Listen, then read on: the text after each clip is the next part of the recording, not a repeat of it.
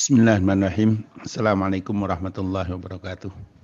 Alhamdulillahilladzi allafa baina qulubina fa asbahna bi ni'mati ikhwana walladzi arsala rasulahu bil huda wa dinil haqq liyudhhirahu 'ala dini kullihi wa kafa billahi syahida.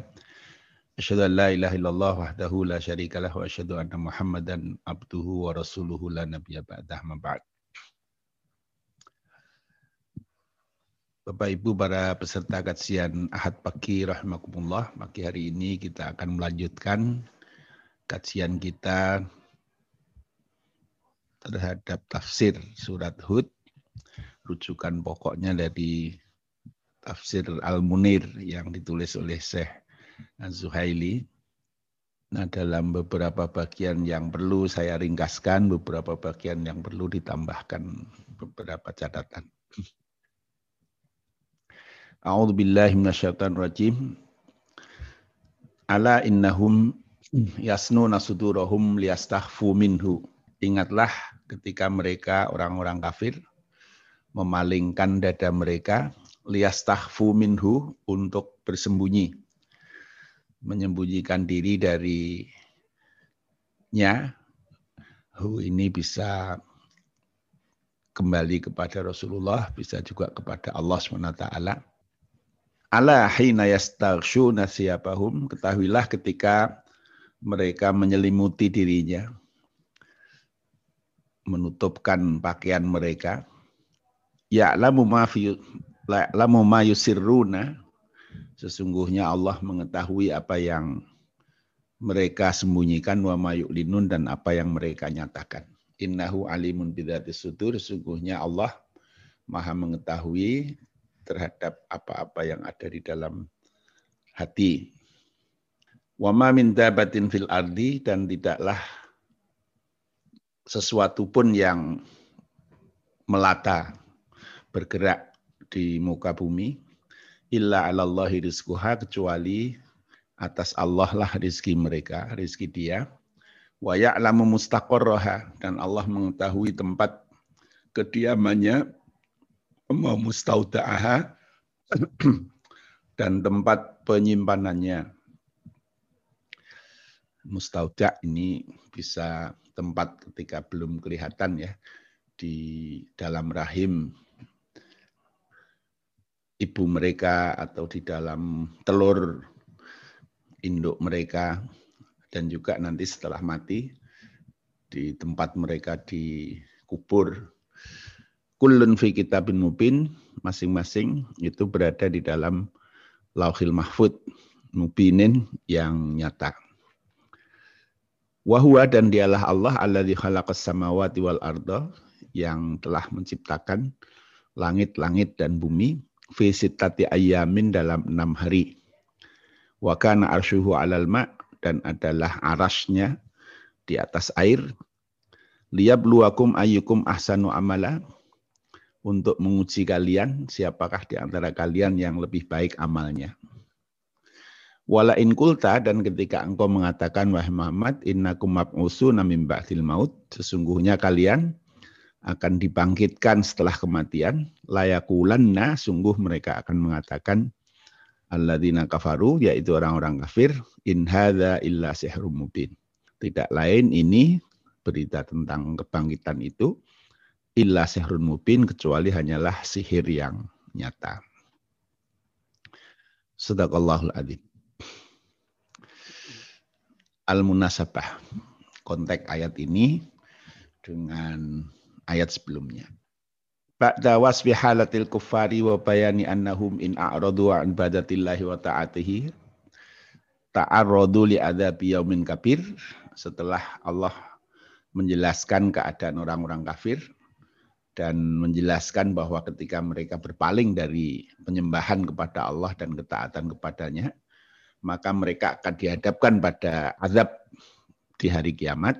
Bayyanallahu ta'ala anna tawalla an dzalika batinan aw sirran katawalla an anhu dhahiran. Allah kemudian menjelaskan bahwa berpaling dari Allah secara sembunyi-sembunyi atau dirahasiakan ya, itu seperti berpaling dari Allah secara dohir.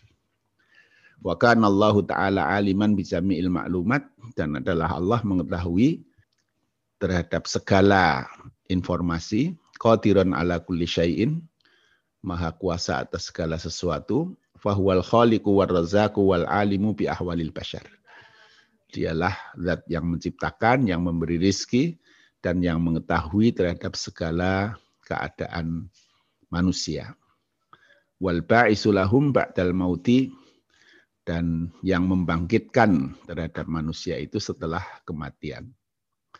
Fal ba'su waqi'un la mahalata. Hari kebangkitan itu adalah sesuatu yang pasti terjadi. Nah, tafsir wal bayan Ala innahum yasnuna suturahum liyastahfu minhu. Ala innalil innal kufar awil musyrikin hina asma'una da'wah ilallah yu'raduna anin nabi sallallahu bisuturihim. Jadi ketahuilah bahwa orang-orang kafir ketika mendengar dakwah Nabi, ajakan Nabi untuk mereka mentauhidkan Allah, mereka itu berpaling dari Nabi SAW. Bisuturihim dengan hati mereka. Kailayarahum Nabi SAW, walayarahum ahadun imanan fil inati wal kufri. Dan supaya tidak diketahui oleh Nabi keberpalingan mereka itu dan tidak seorang pun mengetahui. Nah, sebagai eh, kelanjutan daripada penentangan dan kekufuran mereka kepada Allah Subhanahu wa taala. Jadi ini ada sebab nuzulnya ya diriwayatkan di dalam Al-Qurtubi bahwa ini adalah tentang seseorang disebut namanya di Al-Qurtubi itu, tapi saya lupa namanya ya. Bahwa ada seseorang yang dia itu sangat manis kata-katanya ketika ketemu dengan Nabi. Nah, tetapi di balik itu dia adalah orang yang sangat anti, sangat tidak suka dengan apa yang didakwahkan oleh Nabi untuk mengajak mereka, untuk mengajak orang-orang musyrik itu bertauhid. Ya. Nah, tapi ketika ketemu Nabi, dia ini bahasanya sangat anu sangat bahasa basinya itu sangat baiklah kepada Nabi itu. Nah itu, nah inilah yang dikatakan yasnu nasuturohum liyastahfu minhu. Jadi apa yang ada di dalam hatinya itu disembunyikan sebenarnya berpaling ya. Nah, ditutupi dengan perilaku dohirnya yang seolah-olah baik gitu. Jadi ini orang kafir di Mekah tetapi perilakunya tadi seperti orang munafik di Madinah. Nah, ini ada sebagian dari mereka yang seperti itu. Alahina istasuna siyabahum wa yughatuna biha ru'usahum liyastafu aw yatawaru yatawarau min Muhammadin aw min Allah. Yadhunnuna anna Allah la yarahum ma'a anna Allah ya'lamu ma yusirruna fi qulubihim wa ma yu'linuna bi afwahihim. Wa ya'lamu ma yusirruna lailan wa ma yadharuna nahara. Jadi ini satu ungkapan untuk mereka ini, mereka seolah-olah menutupkan pakaiannya untuk menutupi kepalanya supaya mereka bisa bersembunyi dari Allah. Mereka mengira bahwa Allah dengan cara itu tidak melihat mereka. Padahal Allah mengetahui apa yang mereka sembunyikan di dalam hatinya dan apa yang mereka ucapkan di dalam dengan mulutnya. Apa yang disembunyikan di malam hari, apa yang dinyatakan di siang hari, Allah mengetahui semuanya. Artinya tidak ada gunanya bersembunyi dari dari Allah dengan sikap kepura-puraan mereka itu. Innallah alimum bil asrari dhatas sudur wa bi khawatiril qulub fal yahdhar man yadhunnu an asrarahu khafiyatan 'ala Allah. Sesungguhnya Allah mengetahui segala yang disembunyikan di dalam hati segala bisikan-bisikan hati, maka berhati-hatilah orang yang mengira bahwa rahasia-rahasia mereka itu tidak tampak di hadapan Allah. Wal ya'lam annallaha muttali'un ala kulli syai'in fil wujud.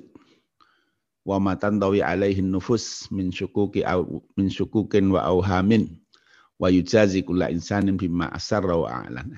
Ketahuilah bahwa Allah itu akan selalu mengamati segala sesuatu yang ada ini, apa yang tersembunyi di dalam jiwa dari keraguan-raguan, dan akan membalas setiap manusia dengan apa yang dia sembunyikan maupun yang dia nyatakan.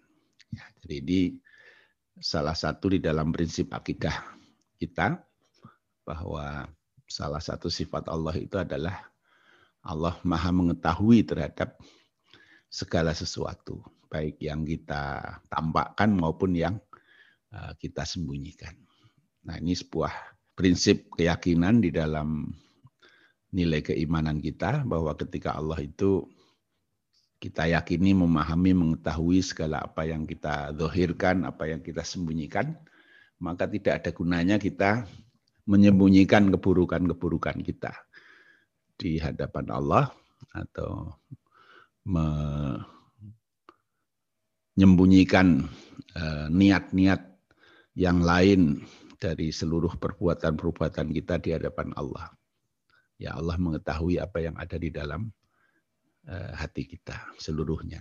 Nah ini mendorong kita untuk selalu mawas diri agar seluruh amal-amal kita itu selalu diniatkan karena ketaatan kita kepada Allah bukan karena yang lain. Karena walaupun amal-amal itu kelihatan baik di dohirnya, tetapi ketika sebenarnya yang tersembunyi di dalam hati kita adalah niat-niat yang bukan karena ketaatan pada Allah, ketahuilah Allah mengetahui segala sesuatu yang ada di dalam hati kita. Nah, tidak ada gunanya kita beramal dengan cara yang seperti itu. Nah, ini bagian dari uh, akidah kita. Wa ma min dabatin fil ardi illa 'ala Allah rizquha wa ya'lamu mustaqarraha wa mustawda'aha kullun fi kitabin mubin.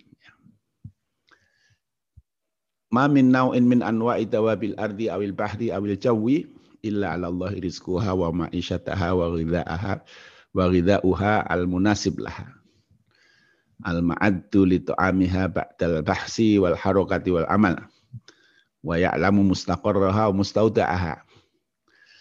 jadi tidak ada satupun jenis binatang-binatang makhluk-makhluk di bumi ini, baik di tanah, di laut, di udara, kecuali Allah menjamin rezekinya, kehidupannya, makanannya yang sesuai dengan mereka ini.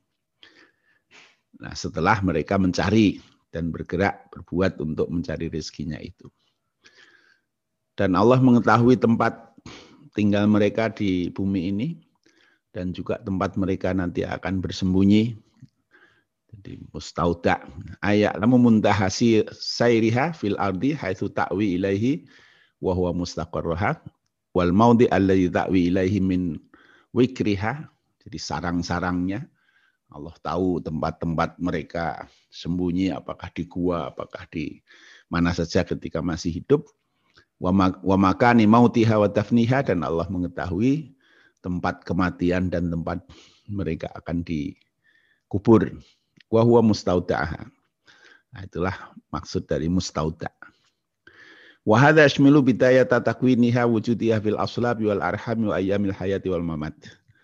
Termasuk yang mustauda ya tempat sembunyi itu adalah uh, permulaan dibentuknya diciptakannya mereka di dalam sulbu ya, di dalam rahim, kemudian di dalam di hari-hari kehidupan mereka dan kematian mereka. Artinya Allah mengetahui segala sesuatu yang eh, terjadi pada makhluknya ini.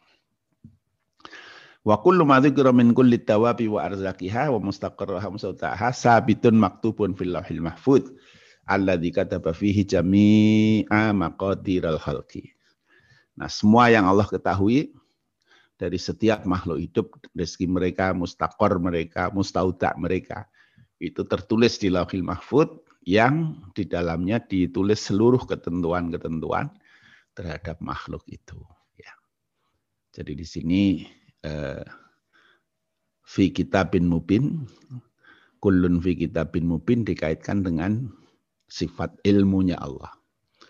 Jadi Allah mengetahui segala sesuatu yang terjadi pada makhluk itu dan semua yang diketahui Allah itu ditulis di Lauhil Mahfud. Nah, ini nanti biasanya akan muncul pertanyaan tentang perilaku manusia walaupun ini sudah kita bahas berkali-kali ya. Baik. Nah, di dalam ayat yang lain menguatkan sifat maha pengetahuan Allah terhadap segala makhluk ini. Misalnya dikutipkan di surat Al-An'am ayat 38. Wa ma min dabatin fil ardi wala ta'irin yatiru bijanahihi illa umamun amsalukum ma farratna fil kitabi min syai'in summa ila rabbihim yuhsyarun. Tidaklah binatang-binatang atau makhluk-makhluk yang melata di bumi juga burung yang terbang dengan kedua sayapnya kecuali mereka itu adalah umat-umat seperti kalian. Jadi ada umat yang namanya manusia, ada umat yang namanya jin, ada umat yang namanya berbagai jenis binatang. Nah, mereka itu disebut oleh Allah umamun amsalukum. Ya. Mafarat nafil kita syai'in tidak kami lalaikan di dalam lauhil mahfud sesuatu pun. Jadi semua yang ada di muka bumi ini dan segala sesuatu yang ada ya, itu seluruhnya telah tertulis di lauhil mahfud. Summa ila rabbihim yuhsyarun, kemudian kepada Tuhan mereka lah nanti akan dikumpulkan.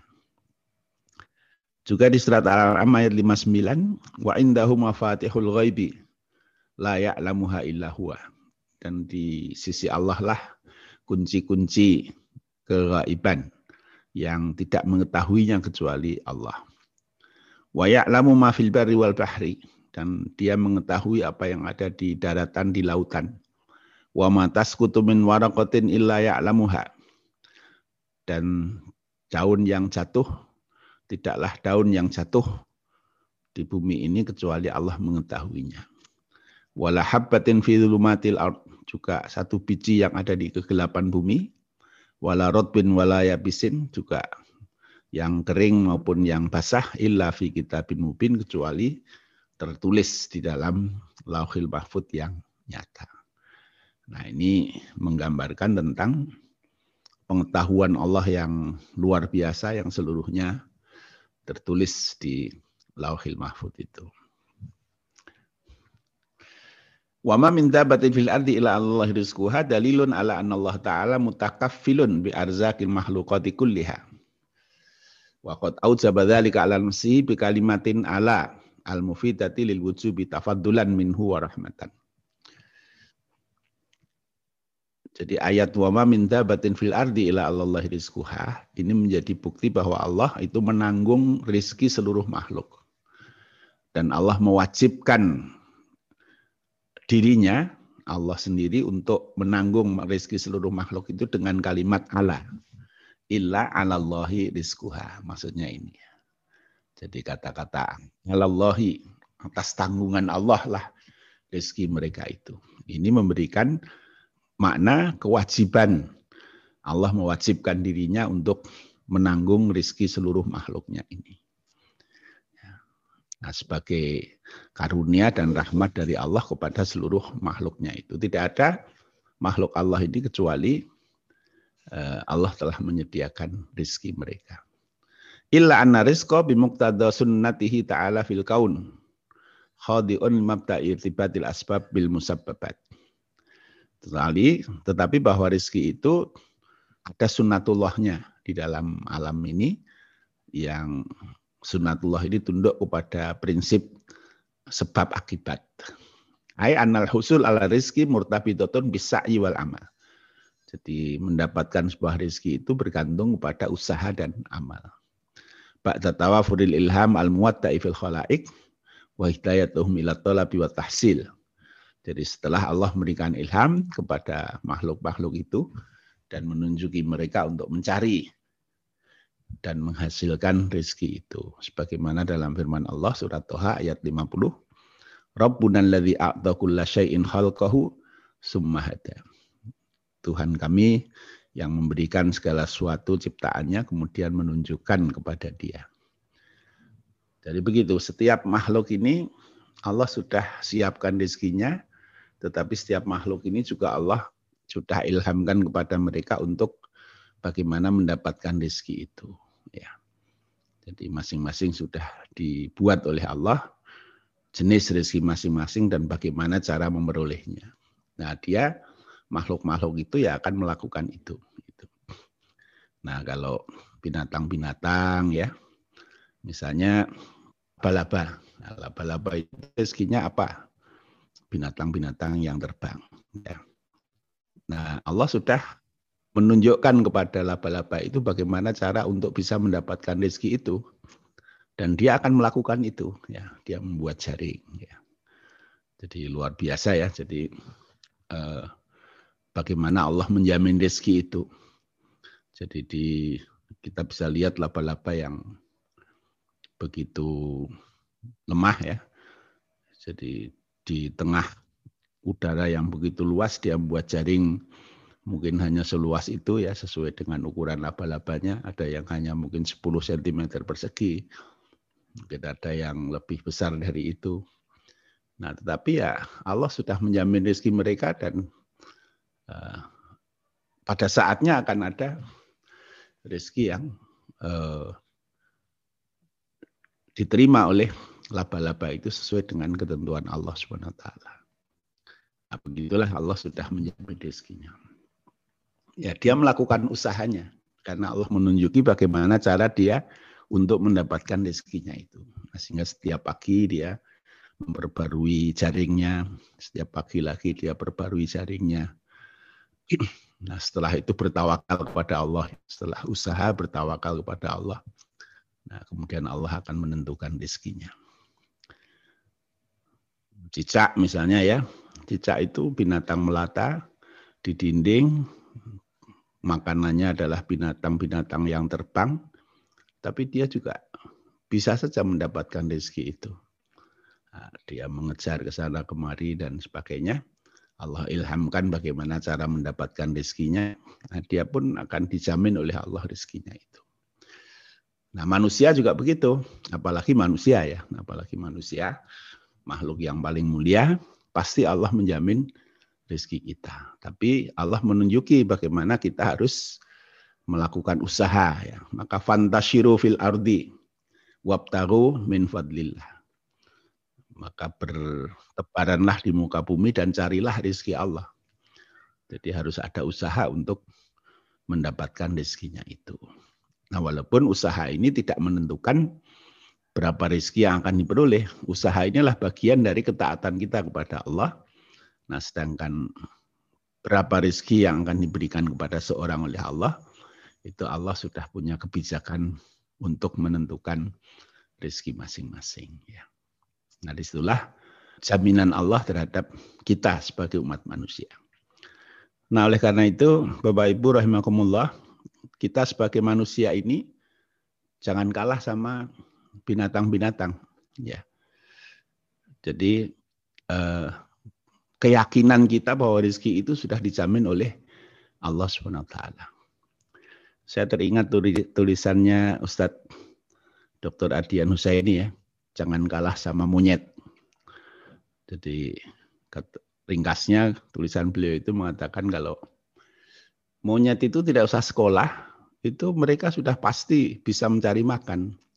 Jadi kalau kita menyekolahkan anak-anak kita, mendidik mereka hanya untuk cari makan, maka itu kalah sama monyet. Nah, itu kata beliau begitu. Karena itu kalau kita menyekolahkan anak kita, mendidik anak kita, itu jangan dicita-citakan untuk biar mereka itu dapat cari makan.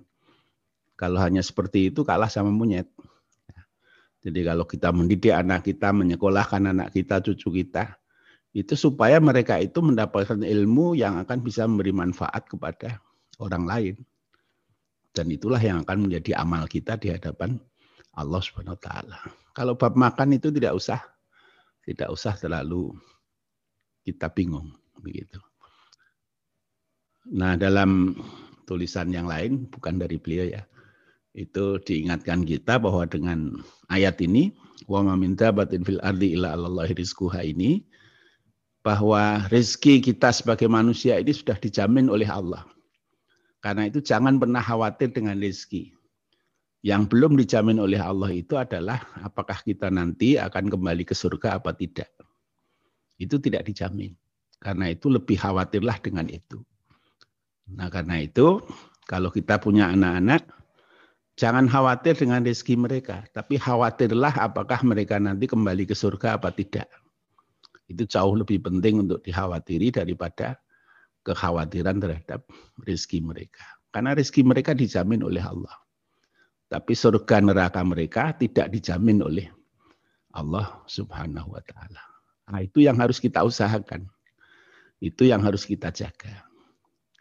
Nah, demikianlah. Jadi bagaimana kita menjalani hidup, kita bersekolah, mendidik anak-anak kita, menyekolahkan cucu-cucu kita dan lain-lain.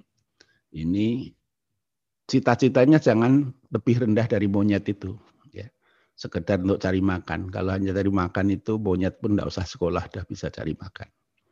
Nah, tapi kalau untuk mendapatkan hal-hal yang bermanfaat, menjadi bekal amal-amal solih di dalam hidup ini untuk kembali kepada Allah dengan sekian kebaikan-kebaikan, maka itulah cita-cita kita di dalam mendidik, mengajari anak-anak kita, cucu-cucu kita untuk berilmu. Wa samawati wal dan dialah Allah yang telah menciptakan langit dan bumi fi sittati ayamin wa kan arsyu alal ma. Dari ayat annahu ta'ala yukhbiru an qudratihi ala kulli syai'in wa annahu khalaqa aw abda'a wa kawwana samawati wal ard fi sittati ayamin min ayamillah fil khalqi wat takwin. La ka ayamina al haliyah. Jadi Allah lah yang menciptakan dengan segala kuasaannya telah menciptakan langit dan bumi di dalam enam hari dari hari-hari Allah. Ya, bukan seperti hari-hari kita. Jadi satuan ayam ini yaumun ini bisa relatif ya. Kalau hari-hari kita, hari kita di dunia ini ya 24 jam ya. Nah, tetapi hari yang lain bisa lain lagi. Misalnya di surat Al-Hajj ayat 47, wa inna yauman inda rabbika ka alfisanatin mimma ta'udun. Ini hari di akhirat nanti. Jadi satu hari di hadapan Allah di akhirat nanti itu seperti seribu tahun. Kalau kita hitung dengan hari dunia. Nah, ini satuannya hari tetapi waktunya berbeda. Kemudian juga misalnya di surat Al-Ma'arij ayat 4, ta'rujul malaikatu warruhu ilaihi fi yaumin. Akan naik malaikat dan ruh kepadanya dan malaikat Jibril kepadanya pada satu hari. Nah, kana mikdaru khamsina alfasanatin yang ukurannya itu adalah 50 ribu tahun. 50 ribu tahun. Wa yuqaddiru ulama ul falak al min ayami takwin bi ulufil uluf minas sanawati dunya. Dan para ulama-ulama falak ya, itu memperkirakan bahwa hari penciptaan bumi itu dengan ribuan tahun dari ukuran tahun-tahun dunia ini. Jadi mereka yang memperkirakan saja sekian juta tahun, tahap satu, tahap dua, sekian juta tahun, perkiraan saja. Nah, ini menunjukkan kekuasaan Allah ya. Jadi menciptakan langit dan bumi secara bertahap visitati ayam ya. Wa kana arsyu 'alal ma Al arsyu a'dhamul makhluqat la na'lamu haqiqatahu wa inna ma nu'minu bihi kama akhbara anhu ta'ala. Wa amma istiwa'uhu alaihi fal istiwa' ma'lumun wal kaifi majhul wal kaifu mashul kama an Ummu Salamah radhiyallahu anha wa Malik wa Rabi'ah. Jadi arash ini adalah singgasana kalau dalam terjemahan kita. Arash Allah itu di atas air. Ini informasi dari Allah tentang hal-hal yang gaib.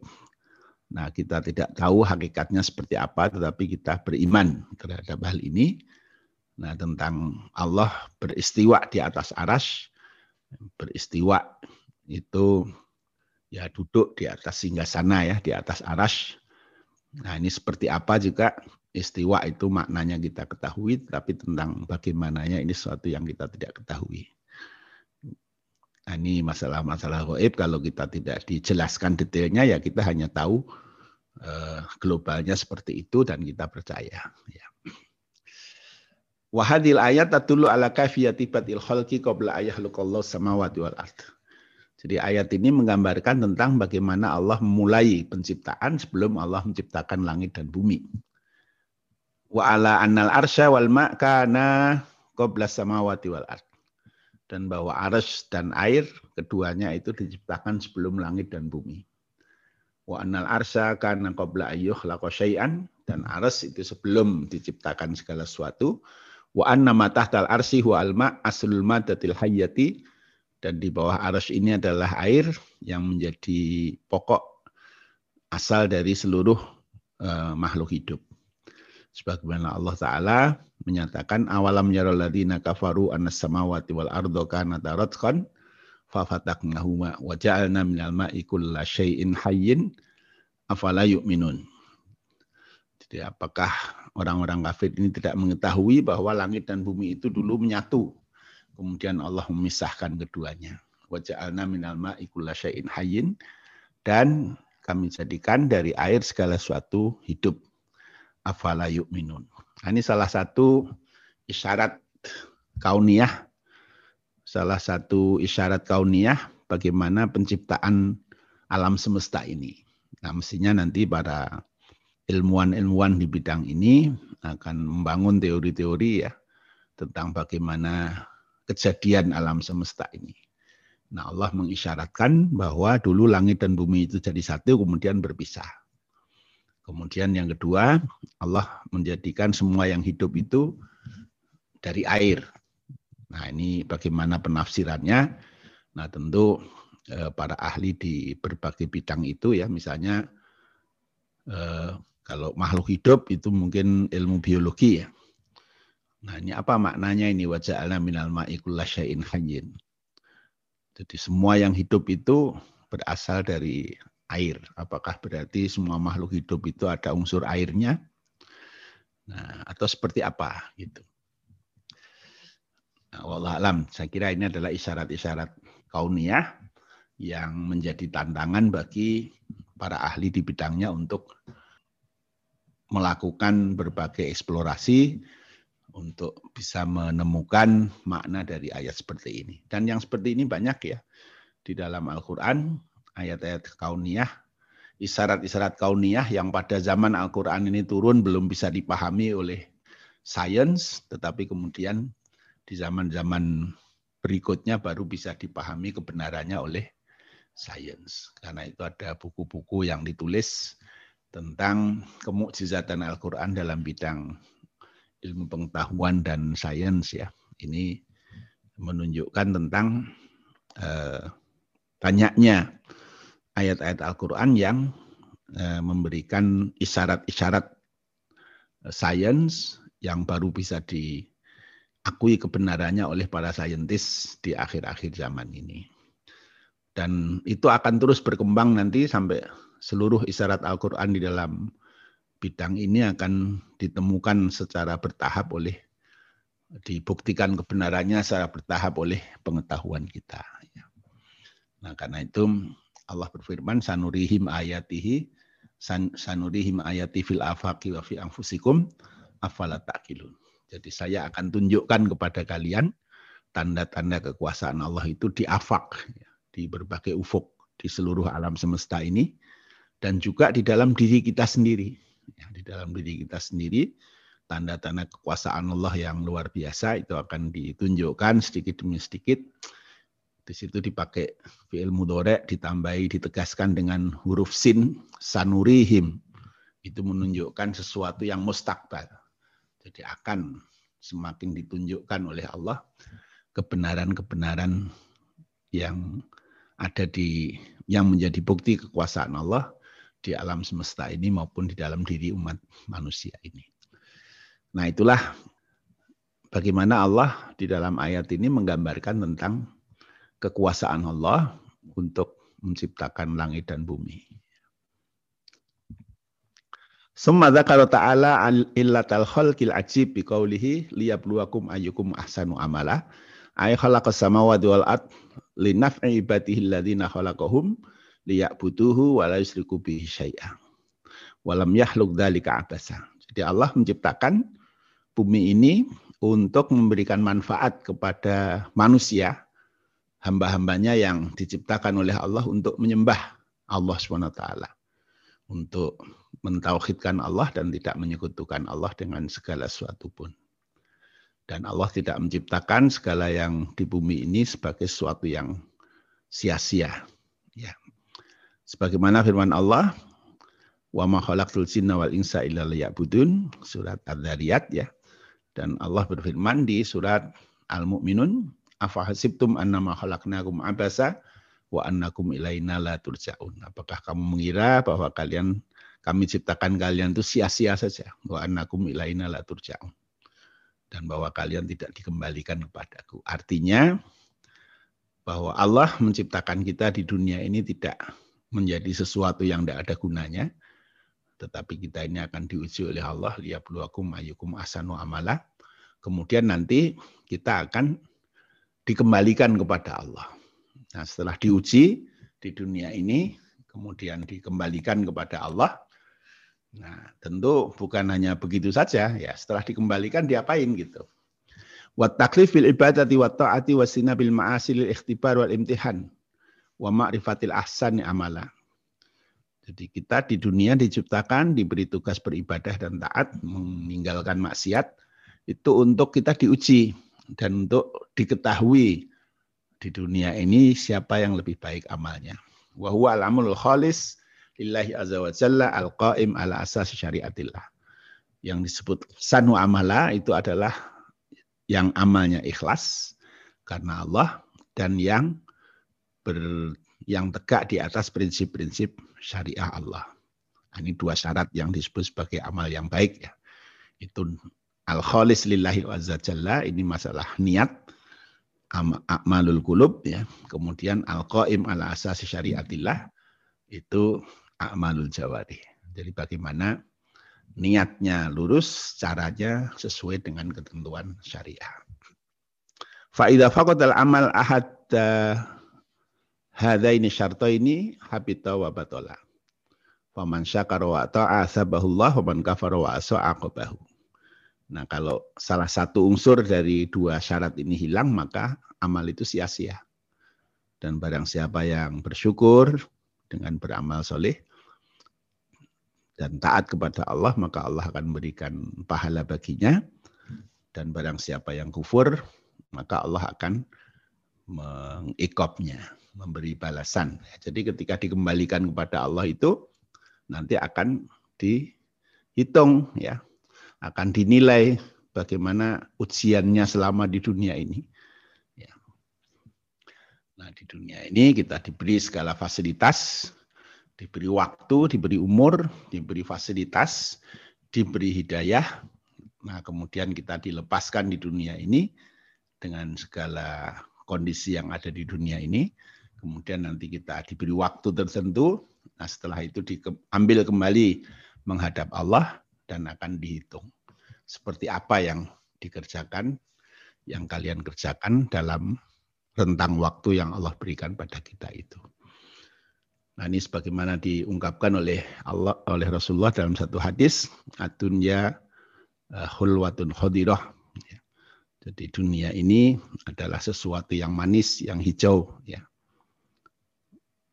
dan Allah wa nahnu mustahlifukum fiha fanang duro kaimana kaifa takmalun dan kemudian kami memberi kamu waktu untuk di dunia itu kemudian kami akan melihat apa yang kamu kerjakan di dunia ini jadi begitulah manusia dari generasi ke generasi dari waktu ke waktu diberi kesempatan untuk tinggal di dunia ini. Nah, selama tinggal di dunia inilah kita dipersiapkan dari kecil sampai masa balik, kemudian dari masa balik sampai masa kematian kita masing-masing itu adalah hari-hari kita diuji oleh Allah. Nah, bagaimana apa yang kita kerjakan dengan dunia ini? Nah, kemudian Allah akan melihatnya. Makanya nanti di akhirat ya itu ada pembagian catatan amal kita, kemudian diajak melihat, menghitung amal-amal kita, kemudian ditimbang amal-amal kita ya. Nah, setelah itu akan ditentukan nasib kita oleh hasil dari ujian-ujian kita sendiri. Nah, karena itu kalau siapa pun yang mendapati hasil yang baik, fal yahmadillah, memujilah kepada Allah. Yang mendapati hasil yang tidak baik, fala talumanna illa nafsah maka jangan menyalahkan siapa pun kecuali dirinya sendiri. Wala budda lil akil minal i'tiraf fil ma'ati wal qiyamah. Lidha qala ta'ala wala in qulta innakum mab'usuna. Wal makna wala inna qamta ya Muhammad ala tillah al ba'si ba'dal maut. Wa dzakarta dzalika lil musyrikin laqala al kafirun hadza sihrun aw ghururun batilun li anna sihra fi mafhumihim batil. Jadi ketika engkau Muhammad mengatakan bahwa kalian nanti akan dibangkitkan di hari kiamat dengan segala konsekuensinya itu ya. Konsekuensi untuk dihisap, dihitung, diberi balasan baik dan buruk sesuai dengan keimanan dan amalnya. Nah ini orang-orang kafir akan mengatakan hadza sihrun au ghururun batilun. Ini adalah sihir, ini adalah tipuan ya. Omong kosong ini. Karena dalam paham mereka sihir itu adalah satu hal yang tidak nyata, tidak benar. Ya. Jadi mereka pun sebenarnya tahu kalau sihir itu tidak benar. Sesuatu yang hanya uh, bukan yang sebenarnya. Wa makna jumlah mal ba'su awil qalbihi awil Qur'an al mutadammin li dzikrihi illa kasihri fil khati'ati awil putran. Jadi menurut mereka berita-berita tentang hari kiamat atau Quran yang mengandung Eh, berita-berita tentang hari kiamat itu hanya seperti sihir saja. Ini tipuan-tipuan kebatilan yang tidak bisa dipercaya. Itu ungkapan orang-orang kafir yang eh, tidak mau beriman. Nah demikianlah Bapak Ibu tiga ayat ini. Nah beberapa kesimpulan dari beberapa ayat ini pertama Dalat alayah la tasbimil kufar fi erodihim an sima'il Qur'an wa ta'watin Nabi sallam ilal imani bi risalatihi wa annahum biadal irad aghbiya'un jahiluna. Wa talat aidan ala annahu la fa'idata fi istighfaihim wa tawarihim anillahi au an Muhammadin sallallahu alaihi wasallam li mat muttali'un ala kulli syai'in fil wujud minan niyat wa dhamair wa sarair minal aqwal wal af'al al niyah yastawi ilmahu bisirri ma'a ilmihi bil jahri. Wala tafawuta fi ilmihi baina israrihim wa i'lanihim. Jadi ayat ini menunjukkan tentang pengingkaran orang-orang kafir untuk mendengar Al-Quran dari dakwah Nabi SAW untuk beriman. Dan ini adalah kebodohan mereka. Dan sebenarnya tidak ada gunanya mereka menyembunyikan kekufuran mereka itu dari Allah SWT karena Allah mengetahui segala sesuatu baik yang disembunyikan maupun yang dinyatakan. Yang kedua, takafalallahu bi arzakil mahlukat wa dhammanaha lahum tafaddulan minallahi ta'ala lahum. Allah menanggung rezeki seluruh makhluk sebagai karunia dari Allah Ta'ala. Warahmatan bihim dan sebagai rahmat terhadap makhluk itu. Wahada dalilun ala itisofi ta'ala bil adli wa rahmati. Ini sebagai bukti tentang sifat Allah yang adil dan penuh dengan rahmat.